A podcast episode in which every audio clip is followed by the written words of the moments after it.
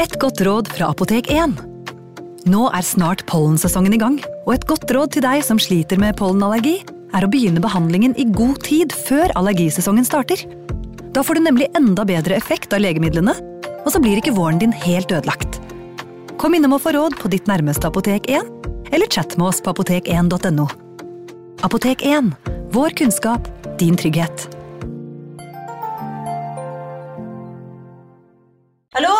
Jeg kommer fra Oslo politikammer. Ine Jansen er purk. Er du purk? The motherfucking bitch. Alt jeg vil, er å finne ut hva som skjedde med mannen min. Jon Carew. Er jeg sikta for noe? Iben Akeli. Det er du. Ole So, Lars Berrum og Big Daddy Karsten. Hvem sin side er du på, egentlig? Anette Hoff, Tone Danielsen, Kommer du fra Afrika? Jørnis Josef, Nesten. Kløfta. Trond Espen Seim, Det er synd å si det, men det var feil mann som døde. Purk. Premiere tirsdag på TV2 Play. Advarsel. I denne podkasten vil du høre historier basert på informasjon programlederne har funnet selv. Programlederne står ikke nødvendigvis inne for meninger og syn som fremstilles. Noen påstander kan avvike fra virkeligheten.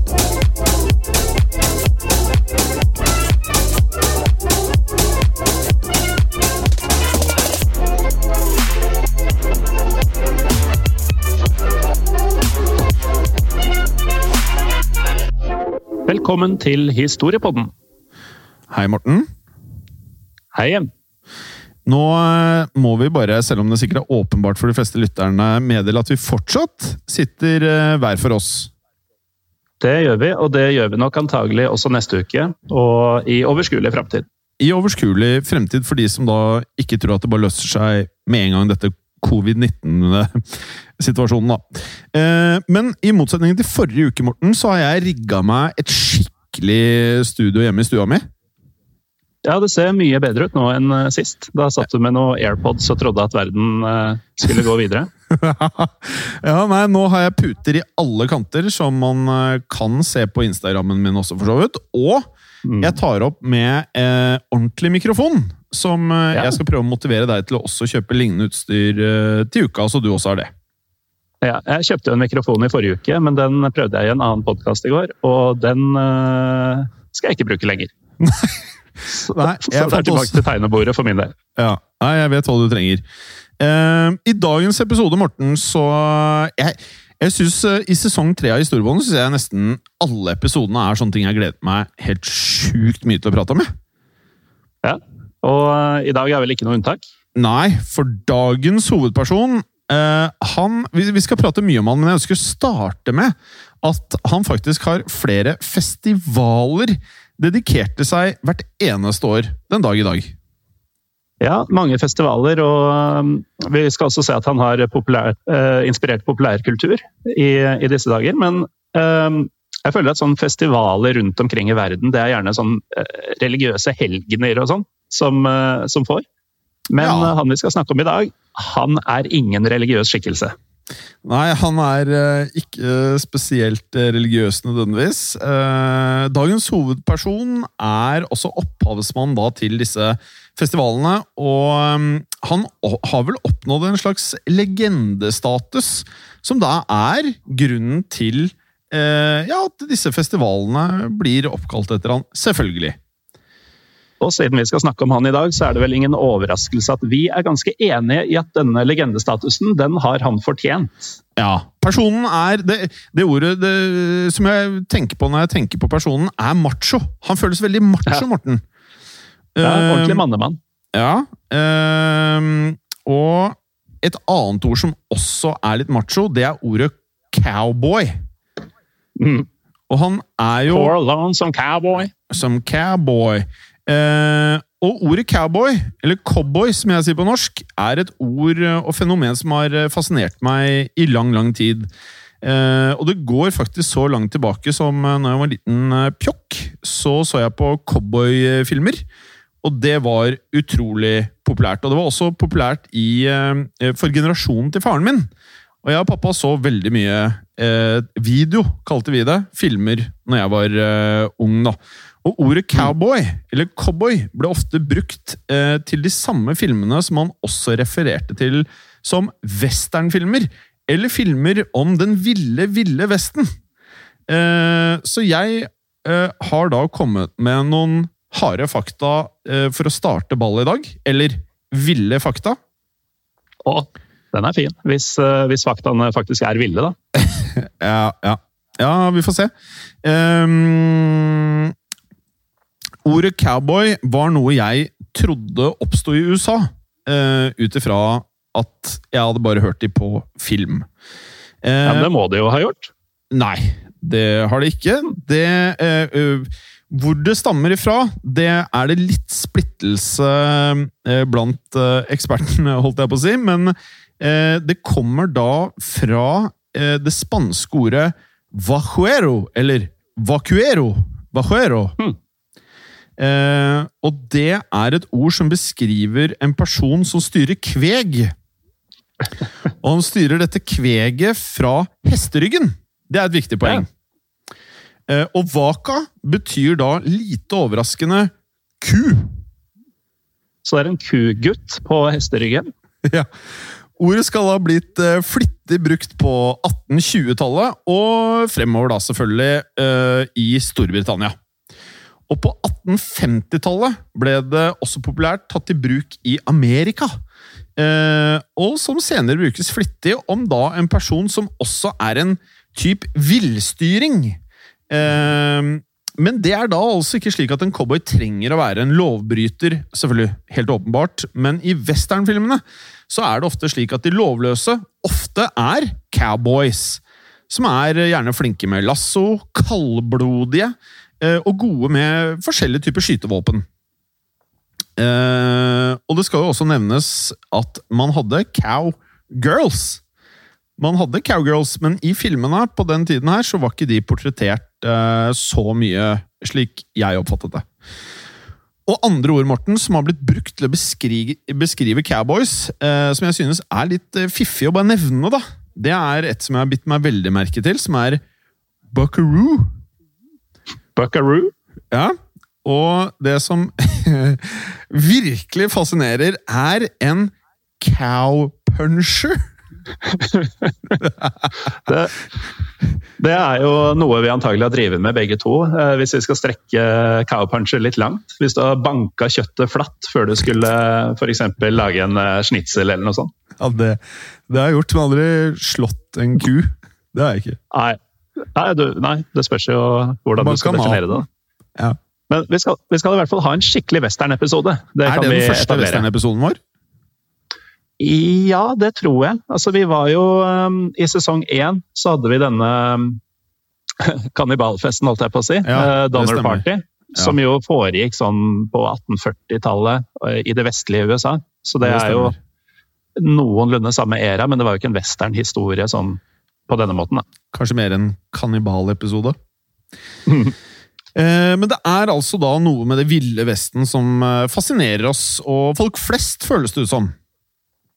Ja, og det har jo selvfølgelig med alle disse eh, historiene som vi opp gjennom tidene har blitt servert i form av romaner og ikke minst tegneserier og filmer om helter og skurker på disse ville eventyrene i, i det enda villere Vesten.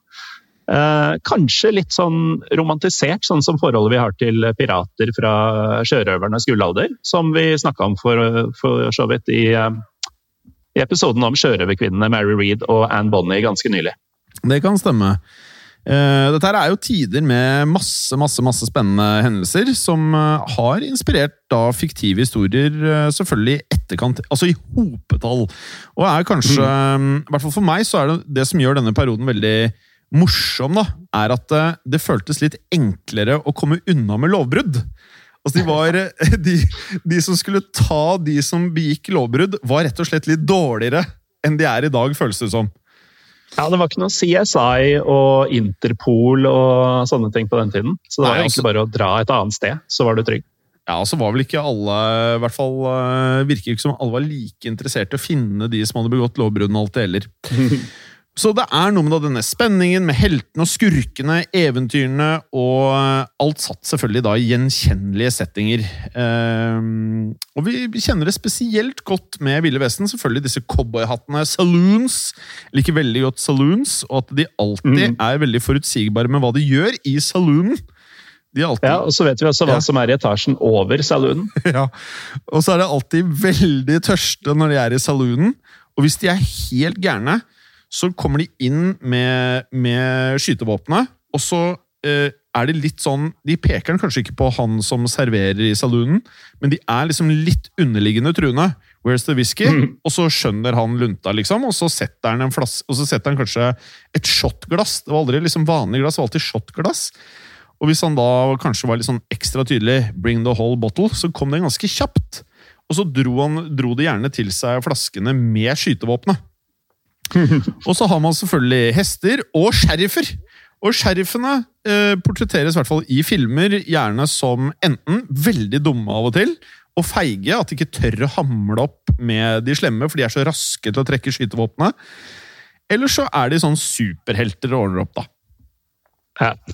Det er liksom eh, en av de to. Um, så er det jo sånn at det, Dette virker jo så lenge siden, og man tenker jo på det som noe fiktivt. At det kan jo ikke ha vært sånn, men, men disse historiene stammer jo fra, Uh, fra det virkelige liv i den delen av USA. Og det er jo ikke så lenge siden. Uh, det ville Vesten er jo da den vestlige delen av USA, den siste halvdelen av 1800-tallet. Så det er jo 150-ish år siden, og ikke det engang.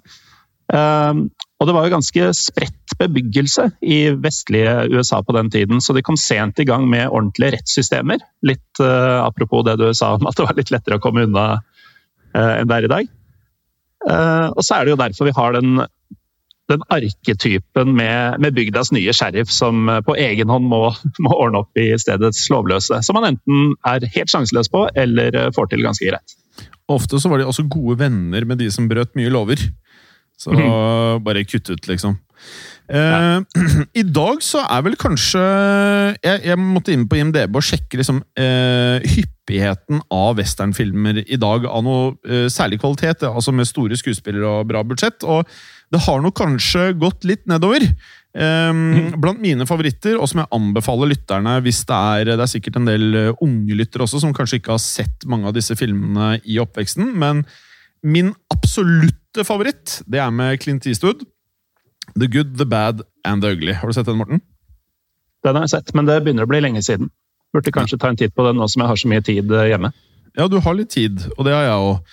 Eh, og så nummer to på listen er en som eh, For de av dere der ute som er Quentin Tarantino-fans Hvis dere ser denne, hvis dere ikke har sett den, så kommer dere til å se at det, mye av måten han filmer på, og mye av måten han bruker musikk på, er hentet fra akkurat denne filmen, som heter da Once Upon a Time in the West.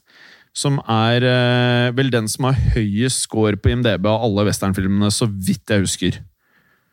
Og eh, Tarantino har jo hatt veldig hang til western eh, de siste filmene sine. Eh, Både Django Unchained og um, The Hateful Eight, som var de Mhm. filmene som kom før denne, er jo også satt til western. Mm. Og spesielt Django tror jeg det, det ble jo en uh, svær hit med store skuespillere og som uh, jeg så tre ganger på kino. Vi møttes jo faktisk på kino vet du, etter The Hateful Eight. Husker du det? Vi gjorde det.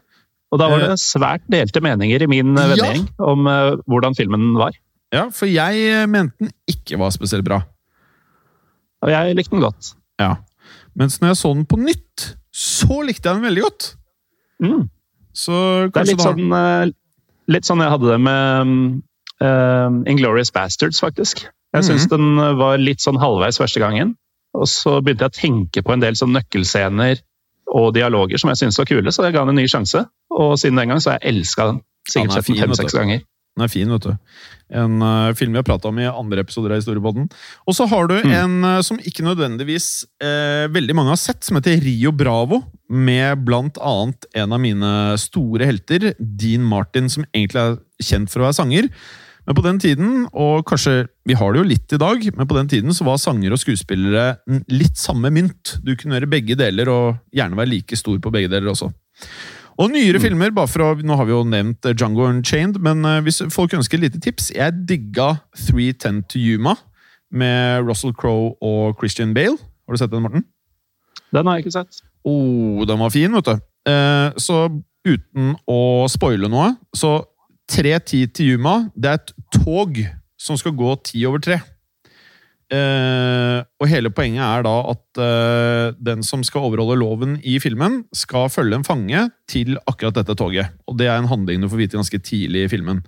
Så den er bare å stikke inn og se. Den lå på Netflix tidligere. Og så har du en annen liten nugget. Appaloosa. Nok om det. Ja. Da kan vi gå tilbake til virkelighetens uh, sheriffer og cowboyer. Og han fyren vi skal ha med i dag, han var ingen sheriff i det hele tatt, Jim. Nei. Han øh, hadde sikkert blitt fornærmet dersom du spurte han øh, om han var det.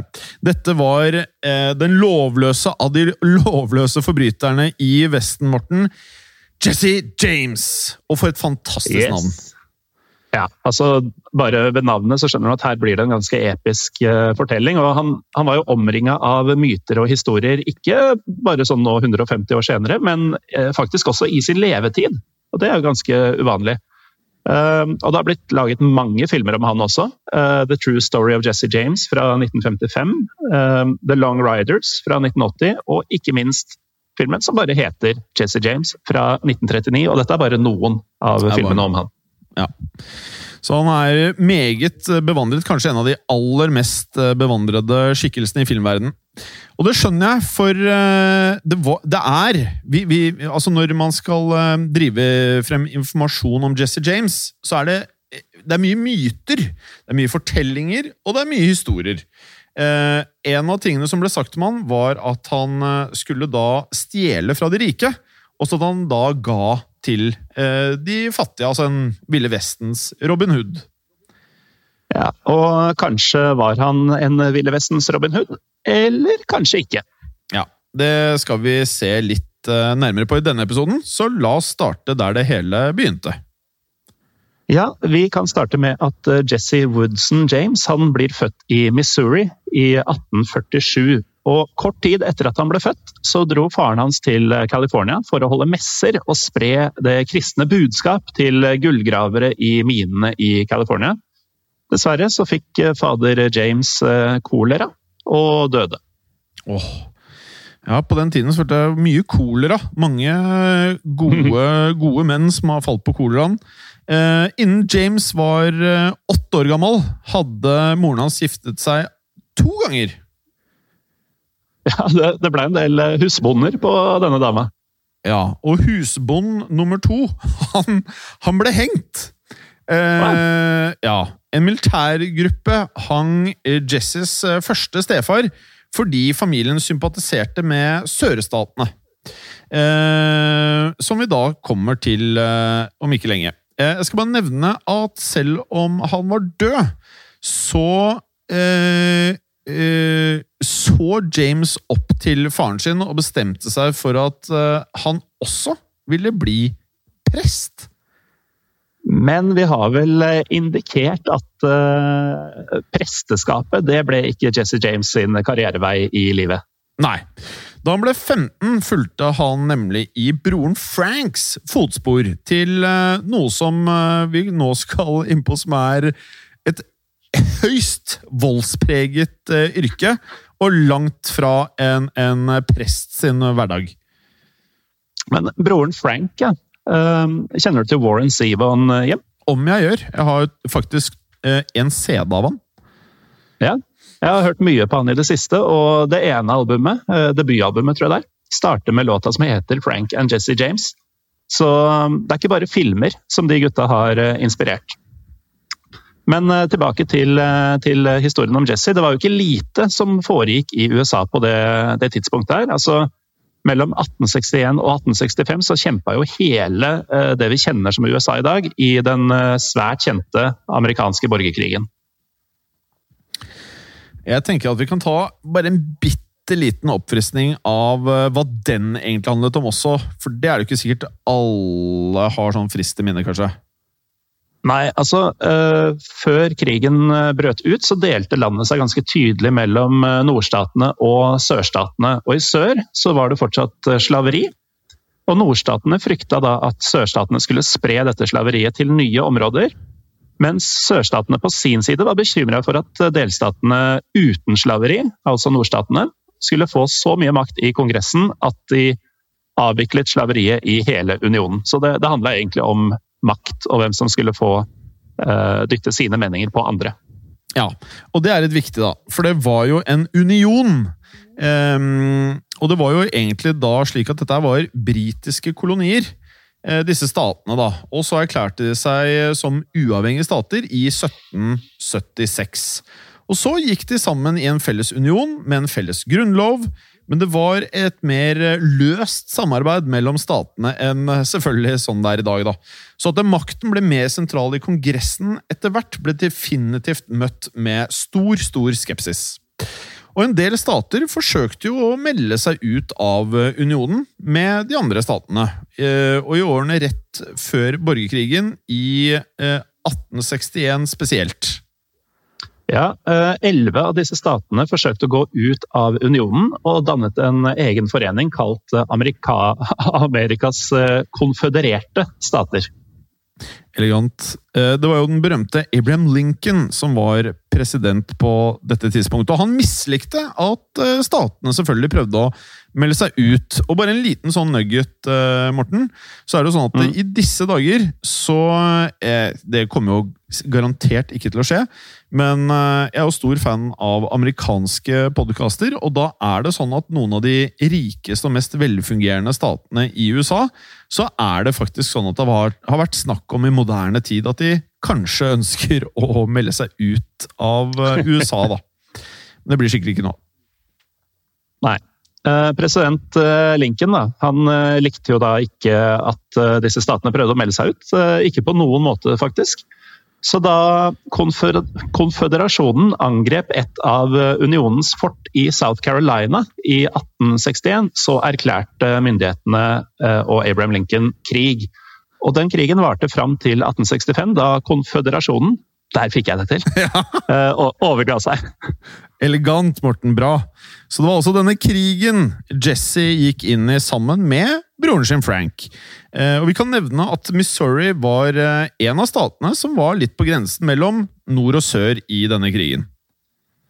For Jesse og broren hans de eh, kjempa da imidlertid ikke på den seirende siden. Eh, familien deres hadde faktisk eid og eide eh, slaver. Og vi nevnte jo tidligere at den første stefaren deres ble hengt nettopp fordi de sympatiserte med sørstatene. Ja. Frank og Jesse gikk inn i krigen under William Clark Quantrill. Han var en konføderasjonsleder og ledet først The Missouri Partisan Rangers, ganske fett navn, og deretter noe som ble kalt Quantrills Raiders. Det høres ganske kult ut. Ja, og det syntes tydeligvis eh, Frank og Jesse James også, for det var denne gruppen eh, de ble en del av. Ja. Quantrills Raiders de plyndra rett og slett byer, og særlig kjent er et raid på byen Lawrence i Kansas. Hvor de da, det her, Hvorvidt dette kan bekreftes eller ikke, det skal ikke vi begynne å legge oss opp i, men eh, vi liker jo de saftigste versjonene av historien. Eh, og der skal de ha drept til sammen 150 personer! Men uh, siden Det er som en westernfilm, altså. Ja, 150 drap i en, uh, i en tilfeldig by. Uh, men de tapte jo da krigen, og da ble det også slutt på disse plyndringene etter hvert. Da krigen tok slutt, så forsøkte da Jesse, broren Frank og et par andre gjenværende av Quantrills Rangers å overgi seg i Lexington i Missouri. Men uh, dette gikk ikke helt som det skulle, og det brøt ut en, uh, en kamp. Ja, og det som skjedde var at eh, raiderne de flyktet ut i skogen. De hadde ikke arbeid og møtte liten godvilje fra selvfølgelig omgivelsene og miljøet rundt. De valgte derfor å snu seg til den lovløse stien, da, Eh, og det er her eh, mye av det som blir juicy i dag, eh, starter. Sammen dannet de The James Younger Gang. Altså The James Younger Gang. James kom fra Frank og Jesse, og Younger kom fra en annen gruppe. Cole Younger. Og Cole Younger han var i en alder av 18 allerede ettersøkt på det, på det nivået at det sto på plakatene 'Wanted Dead or Alive', eh, bl.a. for mord. Her begynner da James-brødrenes eh, berømte kriminelle liv. Og gjengen utførte det som omtales som eh, av mange som historiens første bankran i Missouri 1866. Hvorvidt det stemmer også, det vet vi ikke, men det er i hvert fall den versjonen vi velger å gå med. Det er jo i så fall kult at uh, man faktisk er kreditert med det første bankranet verden kjenner til. Ja, og jeg, jeg må si at uh, han derre Cole Younger, uh, som ble ettersøkt i en alder av 18, det er, noe, det er noe kult ved det, eller? Mm. Kjempekult. Um, og gjengen rante både banker og tog, og etter hvert som da sikkerheten ble bedre i disse, eh, rante de også diligenser, et annet ganske fint ord, og folk som kom da med hest og vogn. Og disse bankene og togene de var jo ikke tilfeldige mål eh, heller, for eh, disse målene var eh, ofte eid av republikanere, altså de som hadde stått mot konføderasjonen under krigen. Så de myrdet iblant også personer de mistenkte at rett og slett var for glade i unionen og sentrale makter. De var svært flinke til å unngå lovens lange arm, og i tillegg til at de var gode til å lure seg unna eh, loven, så fikk de også hjelp av konføderasjonssympatisørene, som skjulte dem. Eh, og de mange ranene og gjengens evne til å slippe unna i siste liten var god mat for avisene, naturlig nok. Hver nyhet om bandens dramatiske ulovligheter solgtes som varmt hvetebrød på den tiden. Særlig nyhetene om Jesse James, som ble videnkjent allerede, som vi var innom, mens han levde, som ikke alltid var vanlig. Nei, og det var også her uh, gjennom disse avisene at ryktet til Jesse som en uh, datidens Robin Hood, som stjal fra de rike og ga til de fattige, uh, dukket opp. Nå må vi jo nevne at det aldri har funnet, blitt funnet noen bevis for at han faktisk ga til de fattige. det meste av ransutbyttene til disse gutta gikk nok rett i Jesse og de andres lovløse lommer. Ja, det var nok noe som ble kokt litt uh, sammen med de andre mytene rundt uh, Jesse James. Ja, Men den uh, stjele fra de rike-delen, det var han god på. Ja, og Jesse han red stort sett kun om natten. Og dette her, det er jo lett å forstå hvordan dette bidrar da, til mystikken rundt Jesse James. og hans fiktive eventyr ble da slukt opp av publikummet på denne tiden. De ble nærmest revet ut av hendene til de som solgte disse avisene, og omreisende bokselgere, for det ble jo skrevet bøker om Jesse. Ja, og disse novellene og historiene om seg selv skal Jesse også ha lest. Ja, det skjønner jeg veldig godt. Eh, jeg hadde gjort det samme. Ja, Men uh, han måtte vel bare sjekke hvor mye som stemte, eller så likte han kanskje å lese om denne versjonen av seg selv, da, som uh, han kanskje bare lo av hvordan han ble portrettert som denne antihelten ja. som utførte bragden, bragder. Og det føles vel litt som at denne berømmelsen da, gjorde noe med egoet hans, og det har vi jo lest noen steder. da. Eh, og det kan vi jo skjønne. Han er jo ikke gamle karen og leser alle disse fantastiske historiene om seg selv. Nei, ikke sant. Um, han uh, leste noen historier om seg selv før han gikk ut og begikk et nytt ran eller et nytt mord som da kanskje inspirerte nye historier som han kunne lese senere. Han var ikke redd for å ta livet av folk. Han drepte over et uh, dusin mennesker.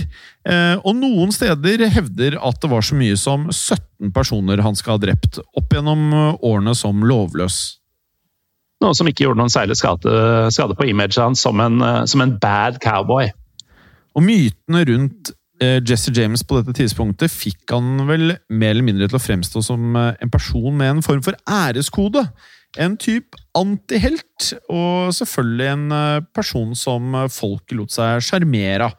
Denne frakken som han skal ha brukt, han kommer ridende om natten på hesteryggen. Så vet vi ikke helt sikkert hvor sant dette med æreskoden var. Sannsynligvis var det bare sånn ikke. Nei, Det var nok en sånn romantisk uh, myte som oppsto om han, og at han var eh, litt mer barbarisk enn som så. For det vi vet er sant, det er at han eh, likte å rane, og han likte å drepe. Folk elsket jo alt som hadde med Jesse James å gjøre, og en av kildene våre kaller han for 1800-tallets Elvis Presley. Ja, Det sier litt om hvilken status man mener at han hadde, da. Mm. Men øh, han hadde visst ikke de hva skal vi si, mest øh, konvensjonelt attraktive trekkene. Han var liksom ikke sånn superkjekkas. Men øh, kvinner som aldri hadde sett han i hele sitt liv, øh, basert på dette de leste, var fullstendig overbevist om at Jesse James han var den kjekkeste mannen i hele Amerika. Ja, mystikk, vet du, Morten. Men ikke alle var like begeistra for Jesse James og disse ugjerningene han sto for. Noen syntes at han bare var en råtten kjeltring. Og gjerne litt sånn skummelt overtroisk, faktisk. Ja, for Jesse James blir beskrevet i mange av kildene våre som ekstremt overtroisk. Ja, det har nok litt med at han hadde veldig lite utdanning, annet enn eh, den lille han hadde tatt opp eh, da han eh, trodde han skulle bli prest. Så han kunne masse salmer og dikt fra Bibelen utenat, og han kunne ramse opp alle bøkene i, i datidens bibel. Men eh, faktisk vitenskap, det var han ganske dårlig på. Og det førte til at han var overbevist om, at, eh, om et par ting som rett og slett ikke stemte.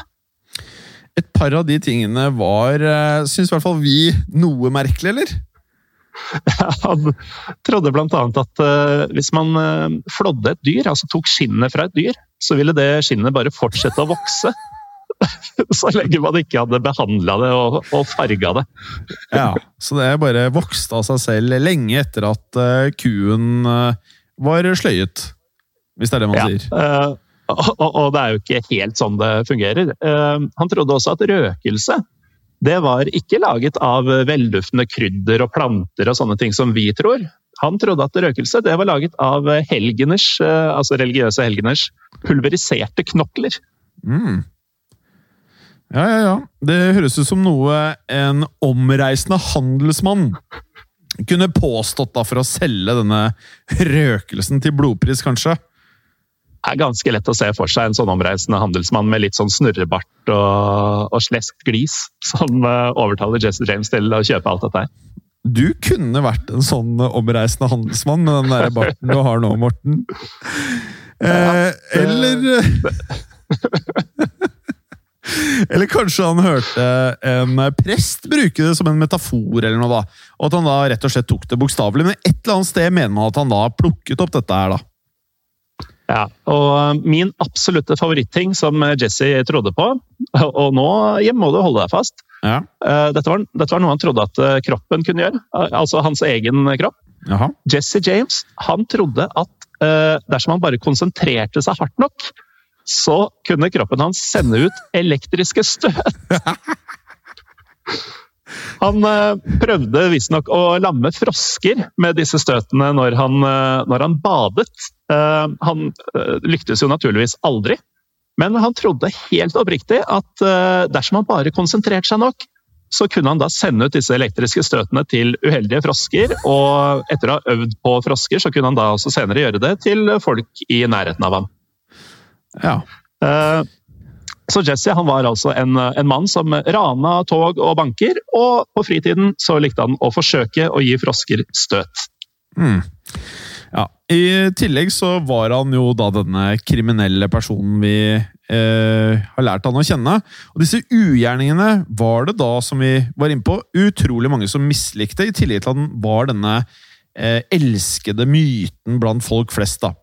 Men en av de som virkelig hatet Jesse James, uheldigvis for Jesse James, må vi kunne si, det var nemlig USAs president på denne tiden. Og det er ikke så bra å få en president på nakken. Nei, Får du presidenten på nakken, uavhengig om det er Donald Trump eller som det på denne tiden var uh, Ulysses S. Grant, tenker, uh, så er det trøbbel heller hatt Ulysses Grant enn Donald Trump på nakken, faktisk.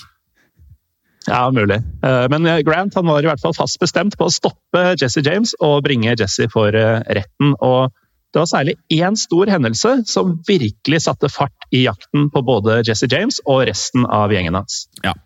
Vi har kommet til The James Younger. Eh, gjengens største og mest kjente bragd, som var bankranet i 1876. Og hva som skjedde under dette bankranet, skal dere få høre mer om etter en kort pause. Er du glad i historiepodden? Sjekk gjerne ut andre podkaster fra moderne media, som True Crime-podden, Skrekkpodden eller Mørkredd. Podkastene våre finner du der du lytter til podkast, som på iTunes eller på Spotify. Velkommen tilbake. Vi er nå kommet til 1876, og The James Younger Gang forbereder seg nå på sitt største bankran noensinne. Og Gjengen kom til Minnesota det året hvor de eh, delte seg opp i forskjellige speiderlag, hvor de vurderte eh, sikkerhet og diverse på bankene i området. Og etter eh, en del om og men, så bestemte de seg for å angripe The First National Bank of Northfield, som lå i byen Northfield, hvor gjengen sprada inn den 7. september 1876. Og på dette tidspunktet så var gjengen godt vant til å utføre bankran, men vi kan avsløre at denne gangen skulle det ikke gå helt etter planen. Nei, for tre av eh, da eh, medlemmene av gjengen spankulerte da rett og slett inn i banken klokken to om ettermiddagen, dro frem pistolene, typisk som i eh, en film, og erklærte at dette var et bankran. Våpnene siktet på de tre ansatte, og kjeltringene beordret dem til å låse opp hvelvet. Åpnet safen og ga dem alle pengene som var der. Eh, men de ansatte de nektet å åpne dette hvelvet. Så det som da skjedde, var jo en katastrofe, for bandittene skjøt en av de da som nektet å åpne dette hvelvet hvor alle pengene var. Men de eh, burde også fulgt litt med på hva som foregikk utenfor banken, for der begynte det å skje ting. En eh, handelsmann som het JS Allen, han hadde oppdaget hva som foregikk inne i banken, og ropte da til de andre ute på gata Get your guns, boys! They're robbing the bank! Veldig bra simulert, Morten. Og da folk på gata, de grep faktisk da til våpnene sine. Fordi som i westernfilmene vi alle har sett, så gikk jo vanlige folk rundt med våpen eh, på denne tiden. Litt som det er i Texas i dag, har jeg forstått. Eh, to av James Younger-gjengen sto da rett utenfor banken, og var de som var eh, satt opp til å holde vakt mens ranet pågikk. Og de merket jo selvfølgelig hva det var som var i ferd med å trappe opp her. De sprang så til hestene sine, hvor de da hadde forskjellige skytevåpen, og eh, tok selvfølgelig til å armere seg selv for å stå opp imot folkemengdene. Og Da begynte de å rope til de andre på gata at de skulle forlate området, ellers ville de bli skutt. Men uh, dette folket de uh, trakk seg ikke tilbake, så det oppsto en god gammel sånn western-skuddveksling. Uh, en utvikling som også tvang de tre som var inne i banken til å trekke seg ut og delta i kampen i gatene. Men dette ble ingen lang kamp, forsto vi? Nei, det varte visst bare i, i sju minutter. Men, eh, men, men, vi vet jo ikke liksom Er sju minutter det, det, Man beskriver det som en rask uh, skyteaffære, men syv minutter med skyting, det er jo litt, da! Jeg tror det føltes som en stund for de involverte. ja. og det, det, gikk jo også hardt utover de involverte, for to av bandittene de ble, ble skutt og drept av disse lokale innbyggerne, mens to andre ble hardt skadet så de gjenværende seks gjengmedlemmene de flykta.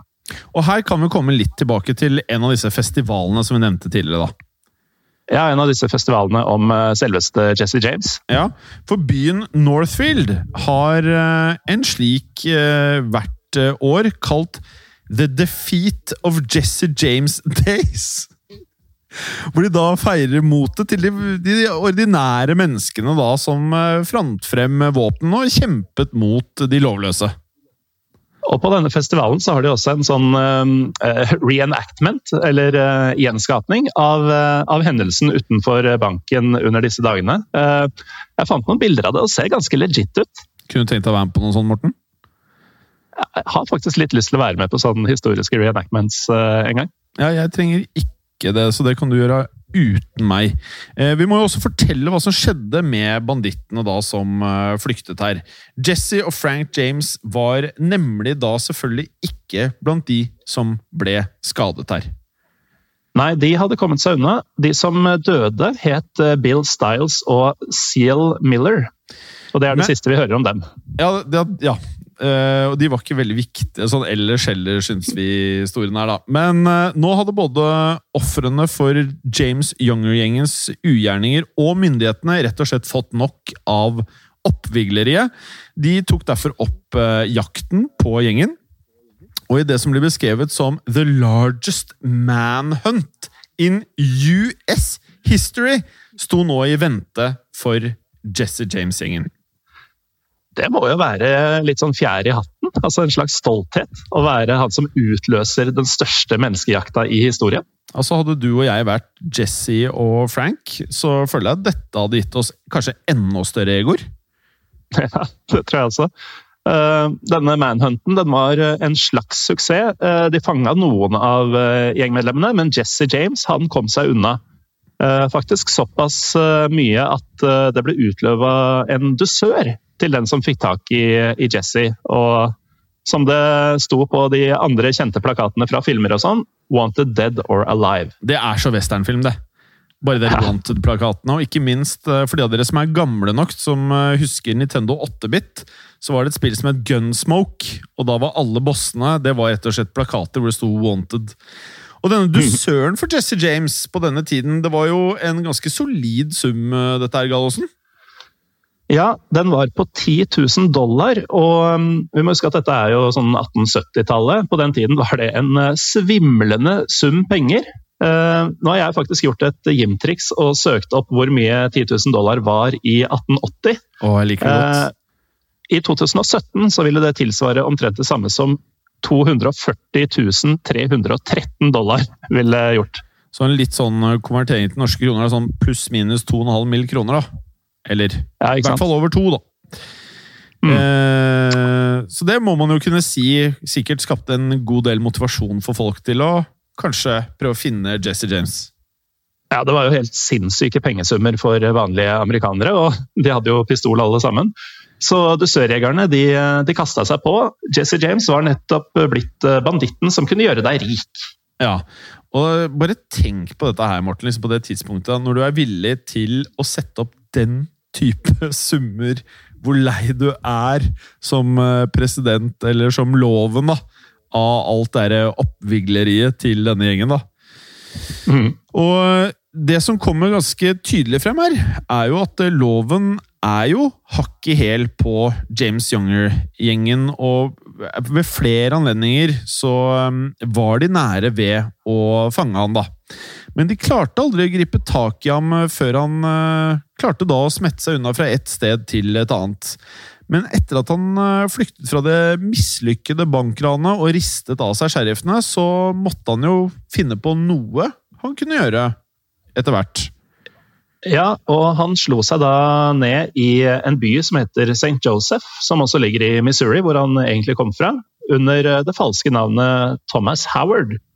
Hvor eh, han kanskje faktisk kunne ha funnet en måte å leve i fred eh, helt til han ble en gammel mann, hadde det ikke vært for en mann som du kanskje også har hørt om i en film, eh, Jim? Robert Ford. Robert og Jesse de traff hverandre nemlig tidlig i 1880. Roberts bror var en del av James Younger-gjengen, og Robert var en cowboy uten noe særlig sånn, vil jeg si, retning i livet, da. Derfor ble selvfølgelig han en del av gjengen, og rante tog og diligenser da sammen med Jesse og gjengen. Robert skal også ha fortalt mange mennesker hvor eh, mye han beundret, hvor mye han så opp til Jesse. Men det skal vise seg at eh, beundring ikke er en like eh, god valuta som eh, skingrende mynt. For Jesse han var jo wanted dead or alive for svimlende pengesummer, og Robert fikk med seg den, den svært imponerende dusøren som var utlovet for hodet hans. Og dermed så dukka Robert Ford opp i stua til Jesse James morgenen den 3. april 1882. Og i stua til Jesse dro Robert frem pistolen mens eh, Jesse sto med ryggen til. Og dette her, eh, hvis dette her stemmer, så er dette her en grusomt kjip måte for eh, en med statusen til Jesse James å bli skutt på. Han ble skutt i ryggen. Han ble skutt i bakhuet. Så den sagnomsuste Jesse James han sank sammen og døde der og da på stuegulvet. Det at han eh, døde da i sitt eget hus, det skulle jo da vise seg å være svært bra for familien til Jesse James. For det, var, det høres makabert ut. Ja, det er veldig makabert. Det var nemlig lukrativt å gi omvisninger i huset til da den berømte Jesse James. Og moren til Jesse hun solgte omvisninger i huset flittig. Eh, og stener fra graven hans og det hun påsto var pistoler som hadde tilhørt eh, sønnen hennes, de ble også solgt i hopetall. Så moren eh, til Jesse James hadde altså en, en nese for forretninger. Selv når det hun profiterte på, var døden til hennes egen sønn. Ikke helt ulikt mange unge SoundCloud-rappere som dør i dag. Så tar familien over mange av rettighetene på Spotify og gir ut ikke akkurat sjelden nye sanger. Eh, etter hun døde, fortsatte broren Frank å selge omvisninger i huset, selvfølgelig, så broren ville jo også tjene litt penger. For eh, han overlevde helt til han ble en gammel mann, han, i motsetning til Jesse. Og ikke at uh, moren til Jesse ikke var ulykkelig over at uh, Jesse hadde blitt drept. På, på Jesses gravstein så hadde hun skrevet uh, følgende In loving memory of my beloved son, murdered by a traitor and coward whose name is not worthy to appear here. Og denne cowarden som hun refererte til, var jo som vi da sa Robert Ford. Ja, og Da må vi jo fortelle hvordan det gikk med Robert Ford etterpå. Altså Mannen som skjøt vår romantiserte og lovløse mann, Jesse James. En eh, fyr vi ikke er spesielt begeistret eh, for etter at vi gjorde research denne episoden. For han fikk en fet, fet dusør, selvfølgelig, for å ha skutt mannen som han da påsto at han hadde beundret. Dette her føles Hvis du beundrer en fyr, og du allikevel går for pengene, og du skyter han i ryggen, altså mens han står med ryggen til i bakhuet, så føles du enda mer som en slange. Myndighetene ble jo fornøyde, men eh, vi har jo snakka litt om eh, hvor, eh, hvor stor del av folket som likte Jesse James, eller den versjonen av Jesse James som dukket opp i disse mytene og fortellingene. Ja, for Roberts navn var nå plutselig på alles lepper. Og så kjent ble da Robert Ford av det han eh, hadde gjort, at han bestemte seg for å dra på turné sammen med Tivoli. Presentert som The Man Who Shot Jesse James. Det her er faktisk provoserende, Morten.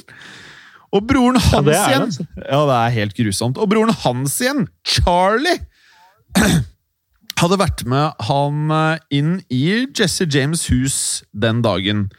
Og broren han ble jo også med på denne turneen, og sammen lagde de et sceneshow der de spilte ut mordet på et dramatisk vis! Har du hørt noe så fælt? Helt, eh, Det her er fælt!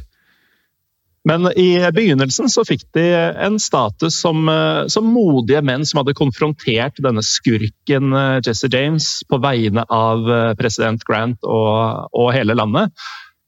Men ting begynte å endre seg litt mens dette sirkuset reiste rundt. Avisenes overskrifter ble mer kritiske, og folk begynte å snakke litt mer om, om feige mordere når de snakka om disse gutta. Og det er ikke meg imot. Så her så vi da at berømmelsen gikk fra noe de følte var superpositivt til å begynne med, til noe som ble veldig negativt, heldigvis. Og stadig flere begynte da å snakke om denne feigingen Robert Ford. Eh, og jeg hadde vært en av de som hadde prata om feigingen Robert Ford, hadde jeg ledd på den tiden her. Mannen som skjøt den legendariske Jesse James mens han hadde ryggen til. Og Vi snakka tidligere om eh, et par filmer om eh, Jesse James og en annen film fra 2007. Eh, Den heter rett og slett The Assassination of Jesse James by the Coward Robert Ford. Så dette feigingsempelet det satte seg godt også 150 år etterpå. Jeg liker det. I 1892, altså ti år etter at Robert Ford skjøt Jesse James, da bodde nemlig Robert Ford et sted som het Creed, en by i delstaten Colorado i USA. I juni fikk Creed besøk av en utenbys sheriff ved navn Ed O'Kelly. Han gikk innom dansehallen som da Ford eide på dette tidspunktet. Der fant han Roberts stående med ryggen til han. Og Kelly han sa navnet hans, og da Robert snudde seg, ble han stående ansikt til ansikt med O'Kellys pistol. Sheriffen ville da ikke skyte Robert når han hadde ryggen til, så han skjøt han midt i trynet. Og da havna jo O'Kelly i fengsel han, etter å ha tatt livet av Robert Ford, men han ble litt av en kjendis, han også. og mottok haugevis av fanbrev i fengselet som, som hylla han for å ha hevna seg på denne feige morderen til Jesse James. Ja, og nå kommer det noe som det er nesten ikke til å tro. Men skal vi tro eh, historien, så har dette her eh, skjedd. Så når da denne sheriffen O'Kelly da kom ut av fengselet, hva gjorde han? Jo, han dro også på turné med tivoli. Denne gangen som The Man Who Shot The Man Who Shot Jesse James. Det er en herlig tittel som bare ruller av tunga. Ja, og da kan nok en uh, fast lytter av Historiepodden føle at vi nærmer oss slutten om historien av uh, Eller om Jesse James. Men nei da. Nei, det er mer, vet du. Det er mye mer. ja. vi, vi, må helt fram til 1948, men jo, det er litt mer. I uh, eh, 1948 så kommer nemlig en 102 år gammel mann ved navn J. Frank Dalton ut av det lille huset sitt i Oklahoma og erklærer til verden at 'jeg er Jesse James'. Nydelig. Uh, ja. Han kontakter avisa The Evening Independent og forteller at mannen Robert Ford skøyt i 1882, ikke var Jesse James. Ja, og uh, dette her minner vel litt om uh, det vi hadde i forrige episode, Alcatraz? Det ligner litt. Ja, Eh, så har du ikke hørt den eh, du som hører på nå, ta så hør litt på den, for der er det ganske mye paralleller, da. Da begynner man å lure på hvem det var som faktisk ble skutt, da. Hvis denne, og på denne tiden her, hvor mange var det som ble 102 år og Ja. Eh, hvis det ikke var Jesse James, ifølge ham var dette en privatdetektiv ved navn Charles Bigelow, som skal ha lignet voldsomt på Jesse James, og som da skal ha gitt seg ut for å være han, så han kunne rane folk. Så da Robert skjøt denne Charles Bigelow, så skulle denne mannen som utga seg for å være Jesse, ha avtalt med han at han skulle si at det var Jesse han hadde skutt. Deretter gjemte da Jesse i anførselstegn seg i Oklahoma med sin nye identitet, J. Frank Dalton. Og alle lurte på om dette virkelig kunne være sant, selvfølgelig. Ryktene gikk varme, og hadde da Jesse James klart å lure absolutt alle, inkludert Amerikas president, til å tro at han faktisk var død? Altså, eh, Det er jo eh, fascinerende å tenke på, og Dalton hadde faktisk mange arr som matcha Jesse James eh, sine skader, og han kunne mange av historiene fra Jesses liv. Men det skulle likevel vise seg at dette var en løgn. Han var ikke Jesse James. Ikke eh, en bombe at det ikke var Jesse James når vi kom videre i granskningen vår? Nei, det var ikke noen bombe, men James, uh, Jesse James sin familie de kom med dokumenter fra familiemedlemmene som hadde identifisert han ved hans død.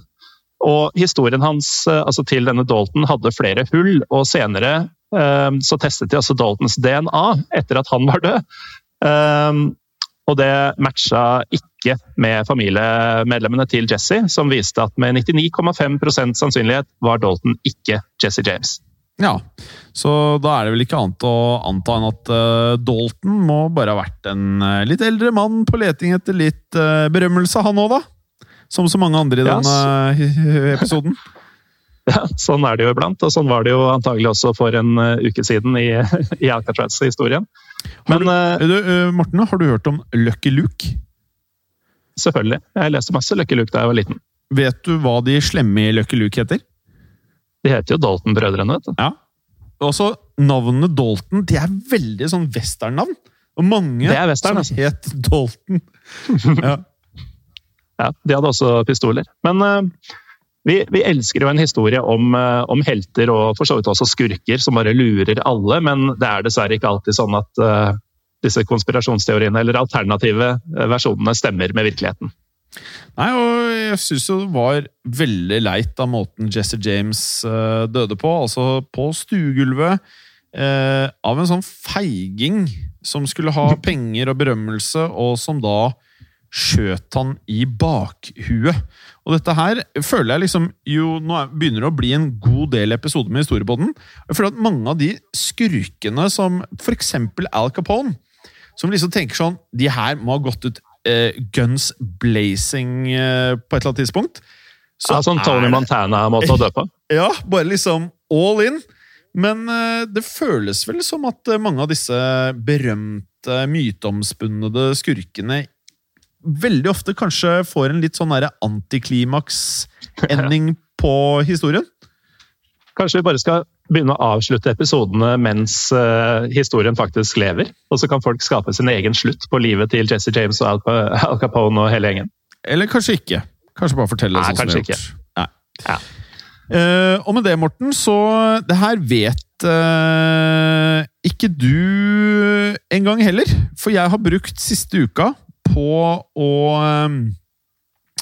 koke sammen en liten spesialepisode til lytterne våre.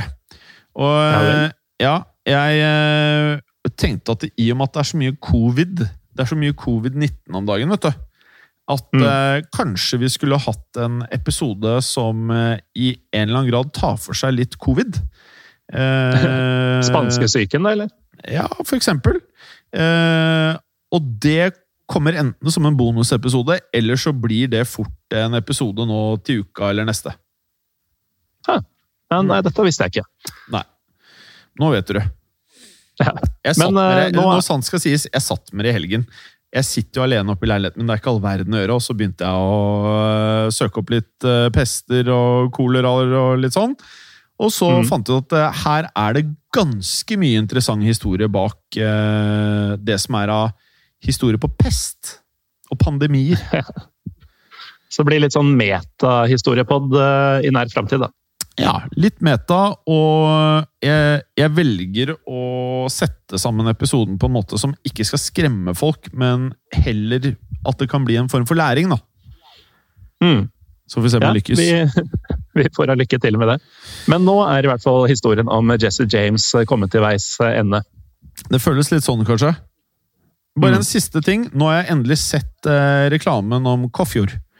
Eh, og det er en reklame om eh, Dette her er da ikke en annonse. Det er en reklame som går på lineær-TV om tubeosten til eh, Norvegia. Ok? Har du sett den ennå, du, eller? Nei, jeg har ikke lineær-TV. Nei, jeg har heller ikke lineær-TV. Har ikke på tre-fire år. Men jeg så det via noe sånn Viaplay-greier. Uh, og da tror jeg har forstått hvordan man sier det, for han sier Korfjord. Det det er det verste forsøket så langt. Ja, jeg mener at det er det han sier. Korfjord! Men eh, det kan godt være det er feil, altså. Da, da bør vi jo egentlig få han inn i historiepodden, hvis han er så dårlig på å si eh, avsidesliggende, avsidesliggende stedsnavn i Nord-Norge. Det er det vi driver med. Ja, det er det vi driver med. Men uh, vi har fått veldig mange som har sendt inn videoer og uttalt uh, Korfjord. Men uh, ja, jeg eh, har sagt ordet Koffjord flere ganger siste uka, og jeg sa det etter jeg så den videoen. Da sa jeg det akkurat sånn som han sa det. Jeg satte det på, jeg tok sånn 15 sekunder bak for å få han til å si det mange ganger. Da gjorde jeg det ganske riktig med Korfjord. Ja, eh, deg om det. Eh, Ok. De som vil kjefte på Jim eh, og måten han sier Koffjord på, eh, kan gjøre det på Historiepodden Norge, både på Instagram og Facebook. Eller i Facebook-gruppa vår som heter Historie for alle. Ja. Veldig bra, Morten. Skal vi bare si som vi alltid sier? Ja, det kan vi jo. Og det er at det har skjedd. Og det kan skje igjen. I produksjon av Historiepodden så ønsker vi å takke Håkon Bråten for lyd og musikk. Takk til Felix Hernes for produksjon. Takk til Ellen Froktenestad for tekst og manus. Og takk til deg, Morten Galesen, for programlederrolle. Og takk til deg, Jim Fosheim, for programlederrolle. Moderne media. Har du et enkeltpersonforetak eller en liten bedrift? Da er du sikkert lei av å høre meg snakke om hvor enkelt det er med kvitteringer og bilag i fiken, så vi eh, gir oss her, vi. Fordi vi liker enkelt. Fiken superenkelt regnskap. Hei, og takk for at du lytter til Historiepodden. Skulle du ønske at du kunne høre en ny episode av Historiepodden hver eneste uke? Vel, da er det én ting å gjøre. Da kan du laste ned podkastappen Untold med det samme. For i tillegg til ukentlige episoder av podkaster som Historiepodden andre verdenskrig, Henrettelsespodden og også Gangsterpodden, så får du masse annet reklamefritt og også eksklusivt innhold. Last ned Untold i AppStore eller Google Play og start din 30 dagers gratis prøveperiode allerede i dag.